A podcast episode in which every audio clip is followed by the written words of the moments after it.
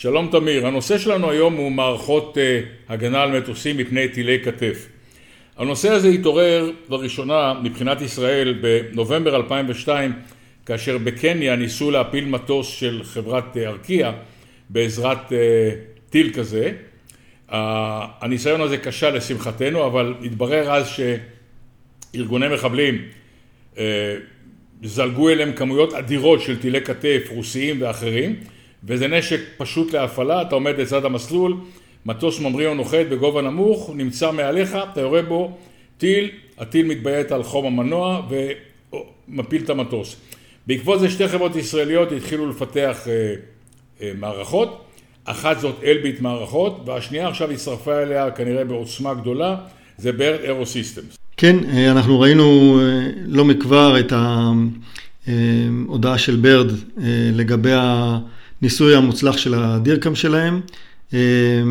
מערכת ספראוס בעצם, זו מערכת שמזהה את כיוון התקיפה של הטיל ויודעת לשחרר מולו אמצעי הגנה. כן, בעקבות האירוע, לשמחתנו, לא מוצלח מבחינת המחבלים בקניה, ממשלת ישראל החליטה לצייד את מטוסי הנוסעים הישראלים שטסים לאזורים מועדים לפורענות במערכות ואז נבחרה, אה, נבחרה אלביט, אל-אופ, לספק את המערכות ואפשר לראות אותן אה, מותקנות מתחת לגחונות של מטוסים. אה, החברה גם סיפקה מערכות כאלה להגנה על מטוסי VIP בכל העולם כדי למנוע הפלתם באמצעות טילי כתף. הסכנה הזאת לא חלפה, מסתבר, וכרגע יש מחדש עניין גדול, היות ועדיין, לפי מידע מודיעיני, יש כמויות גדולות של טילי כתף ברשות מספר גדול של ארגוני מחבלים. המערכות אה, של אלביט ועכשיו גם של אה, ברד אה, מיועדות למטוסי מנהלים ומטוסי VIP. מעט חברות תעופה, אם בכלל, מצטיידות בהם, כי ההוצאה היא אדירה.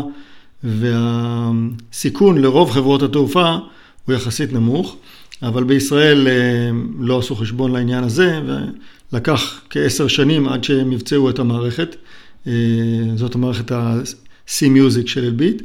אה, המערכת של ברד, המערכת הזאת ומערכות אחרות, מיועדות גם להגנה של מטוסי VIP, והן מספקות כבר הגנה ללא מעט מטוסים כאלה בכמה יבשות.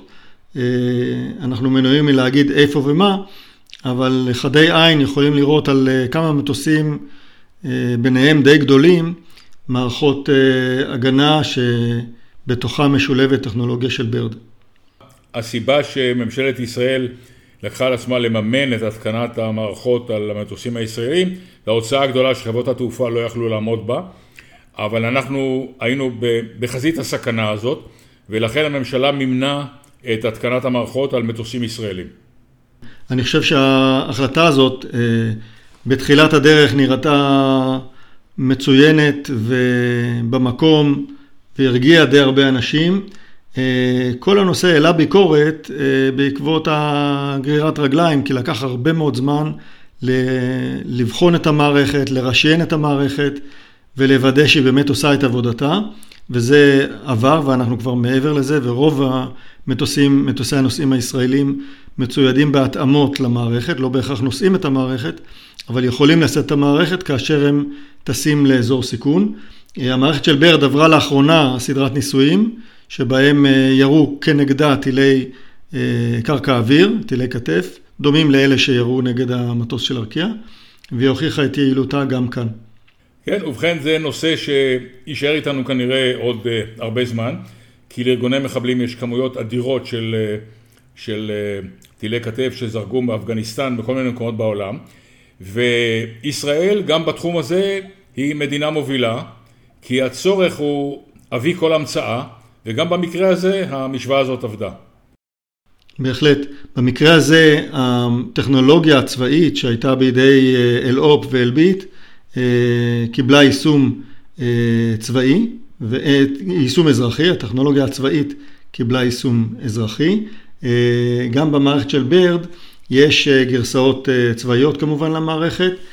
אגב, המערכות של החברה הזאת משולבות עם מערכות הגנה של החברה האירופאית, איירבס, זה מספר שנים, ומשלבות גם משחררי מוט צנורים, גם גילוי ואיתור טילים ונ"מ, ונמכרו בכל העולם בהיקפים די גדולים. למרות שהחברה לא ידועה כל כך, הפעילות שלה הגיעה להיקפים גדולים מאוד יחסית לחברה ישראלית. ובכן, דנו היום בנושא מאוד מעניין, מרתק, שישראל מובילה בו. אני חושב שבזה נתנו אה, נקודות עניין למאזינים שלנו, ונתראה בפודקאסט הבא. תודה רבה, תמיר, להתראות. תודה, אריה.